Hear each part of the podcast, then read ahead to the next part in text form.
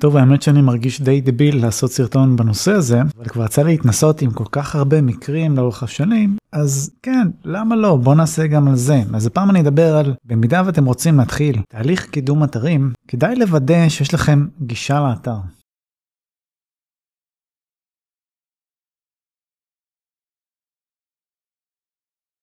אז כן אמנם זה לא פעם ראשונה שזה קורה לי אבל סגרתי קידום עם מישהו לפני שבועיים בערך ורק היום הוא התפנה לתת לי גישה לאתר. בן אדם מאוד עסוק לא הכי מבין במחשבים זה בסדר יש לי לא מעט כאלה אבל הייתי צריך לרדוף אחריו שייתן לי גישה למערכת ניהול שאני אוכל להתחיל לעבוד כמו שצריך. עכשיו זה גם מבאס כי זה תוקע אותי ועיכב אותי ויהיה לי קשה להראות התקדמות ששרפנו שבועיים סתם ואני בדרך כלל אוהב להראות התקדמות בחודש הראשון וברוב המקרים זה גם קורה. יש אתרים שגם מגיבים אפילו מאוד יפה בפרק זמן של חודש אחד. לכן אני אוהב להתחיל דברים כמה שיותר מהר. למשל כישורים וכזה זה משהו שאני עושה מהרגע הראשון שאני סוגר עם מישהו. זה גם מבאס מהבחינה הזאת כי הוא יכול לראות את ההתקדמות והתבאס טיפה למרות שזה אני אסביר לו וזה. דבר שני זה פותח פתח כלפי הלקוח שהוא יבוא לכם בטענות כי מה עשית רק זה חצי חודש או זה? למרות שהעיכוב מהצד שלו. אז בקיצור מה אני אומר? אם אתם לקוחות פוטנציאליים בעלי אתרים שרוצים לקדם את האתר תוודאו שיש לכם את הגישות לכל הדברים ושאתם יכולים